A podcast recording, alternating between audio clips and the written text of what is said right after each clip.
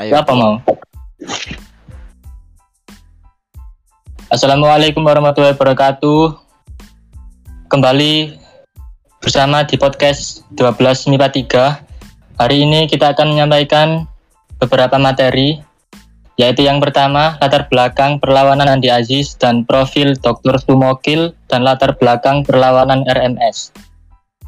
Buat teman-teman, tetap stay tune dan dengarkan untuk materi pertama, yaitu latar belakang perlawanan Andi Aziz, akan disampaikan oleh rekan saya yang bernama Arjuna. Silakan Arjuna. Hai. Jadi, latar belakang dalam perlawanan atau pemberontakan Andi Aziz adalah jadi, pada awal April 1950, pemberontakan Andi Aziz terjadi di Makassar, Sulawesi Selatan. Pemberontakan ini dipimpin oleh Kapten Andis Aziz sendiri. Ia merupakan mantan perwira tentara Hindia Belanda Knil atau Koninklijke Netherlands Indisch Leger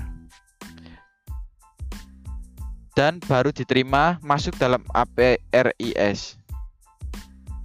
Latar belakangnya, Andi Aziz bersama gerombolannya ingin mempertahankan negara Indonesia Timur Selain itu, hal itu juga dilatar belakangi tuntutan Andi Aziz agar hanya pasukannya saja yang dijadikan sebagai pasukan APRIS di negara Indonesia Timur dan penolakan terhadap masuknya anggota TNI ke dalam bagian dari APRIS.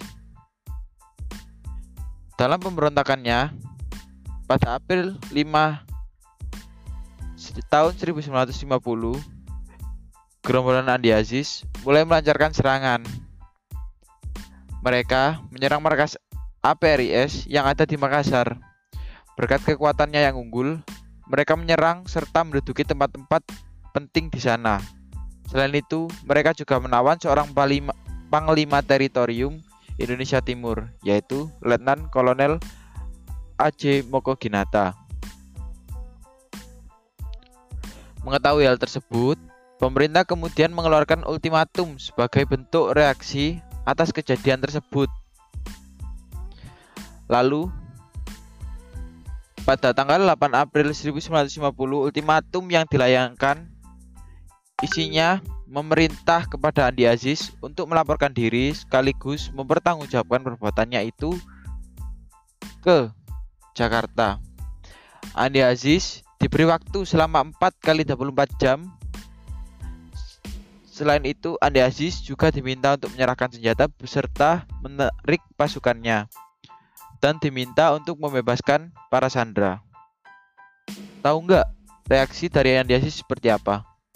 Ternyata Andi Aziz sama sekali tidak menggubris ultimatum tersebut. Nah, karena Andi Aziz tidak menggubris, maka pemerintah langsung bereaksi dengan mengirim pasukan-pasukan ekspedisi ke Makassar. Pasukan ekspedisi tersebut mendarat di Makassar pada tanggal 26 April 1950 di bawah pimpinan Kolonel Alex Kawilarang. Pada saat itu terjadilah pertempuran. Dalam waktu singkat, pemberontakan ini berhasil ditumpas oleh TNI di bawah pimpinan Kolonel Alex Kawilarang. Andi Aziz pun ditangkap dan diadili di Yogyakarta. Ia dijatuhi hukuman penjara selama 14 14 tahun. Nah, ternyata setelah diusut, pemberontakan ini didalangi oleh Dr. Sumokil, yakni dalang dari pemberontakan RMS. Mau tahu tentang Dr. Sumokil selanjutnya akan dijelaskan oleh rekan saya yang untuk rekan saya silakan. Oke, terima kasih. Jadi Dokter Sumakil ini ada kaitannya dengan Andi Aziz ya. Itu kayak teman gitu.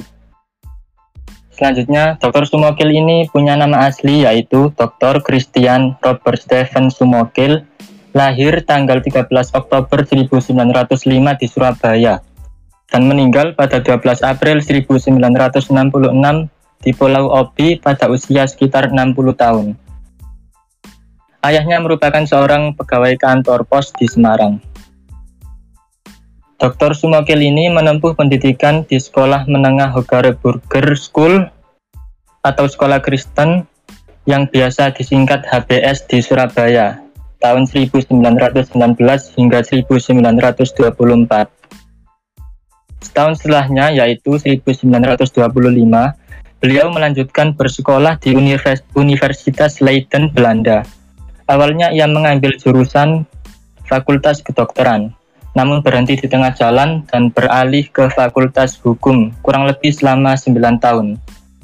Jadi lulusnya tahun 1934.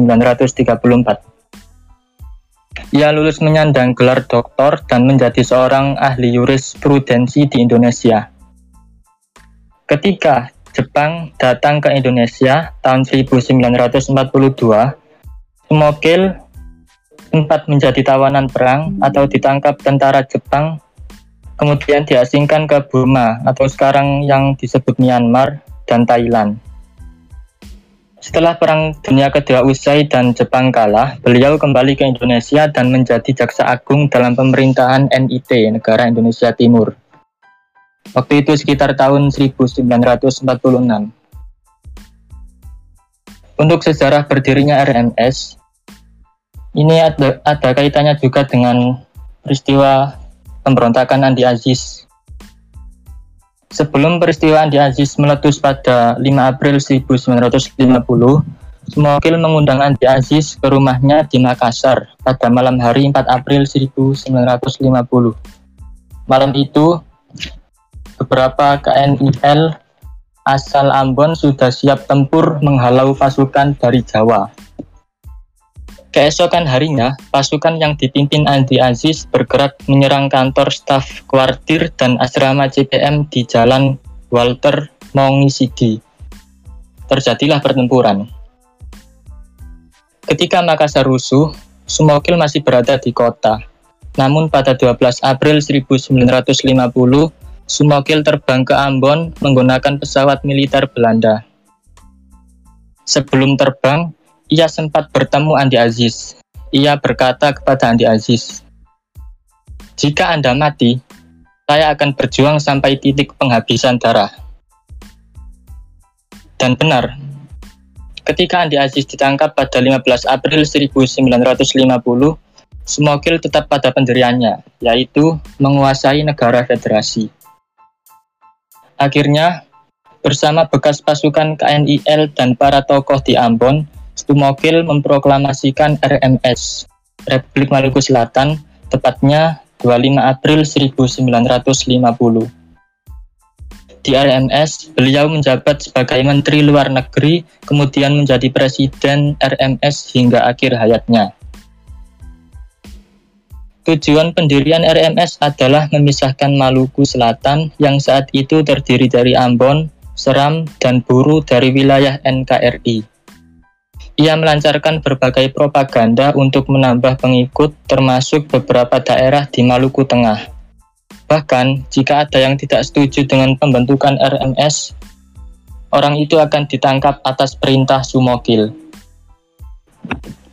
Adapun latar belakang berdirinya RMS adalah yang pertama, beberapa tokoh pejuang RMS yaitu Sumokil, Manusama, dan JH Manuhutu menolak keputusan bergabungnya Maluku dengan NKRI.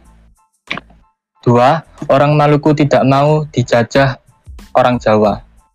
Tiga, terinspirasi dari federalisme Belanda. Empat, kekecewaan bekas prajurit KNIL. Lima, ingin mendirikan negara federasi. Enam, kecewa akan dibubarkannya NIT. Dan yang terakhir, terdapat kabar bahwa jika NIT bertahan, Sumokil akan dijadikan tokoh politik. Jadi Sumokil ini bisa dibilang gila jabatan gitu ya. Nah karena tergolong karena RMS ini tergolong gerakan separatis, NKRI memandang gerakan RMS sebagai pertentangan terhadap pemerintahan yang sah. Maka dilakukan beberapa upaya untuk mengatasinya, Pertama, Johannes Laimena diutus sebagai wakil pemerintah pusat untuk mengadakan perundingan dengan RMS. Namun, itu ditolak oleh Sumokil. Akibatnya, pemerintah terpaksa mengarahkan mengerahkan kekuatan militer yang dipimpin Kolonel AE Kawilarang. Apris mendaratkan 850 pasukan untuk melawan RMS. Para pasukan didaratkan di Pulau Buru, Kai, Aru, dan Seram. Ambon berhasil direbut Apris pada November 1950. Melihat kekalahan, RMS pergi meninggalkan kota pertahanannya dan memilih perang gerilya. Sumokil akhirnya ditangkap pada 12 Desember 1963 ia dibawa untuk diadili di Mahkamah Militer Luar Biasa Jakarta. Keputusan keputusan hakim mengatakan bahwa Sumokil dijatuhi hukuman mati. Nah, tanggal 12 April 1966, Sumokil dieksekusi di Pulau Obi, Halmahera Selatan. Nah, itu dia penjelasan tentang uh, profil dari Dr. Sumokil dan juga pemberontakan RMS. Terima kasih rekan saya Irsat. Nah, sekian sekian podcast dari kita. Jangan lupa saksikan podcast-podcast lainnya di channel 12 MIPA 3. Terima kasih. Wassalamualaikum warahmatullahi wabarakatuh.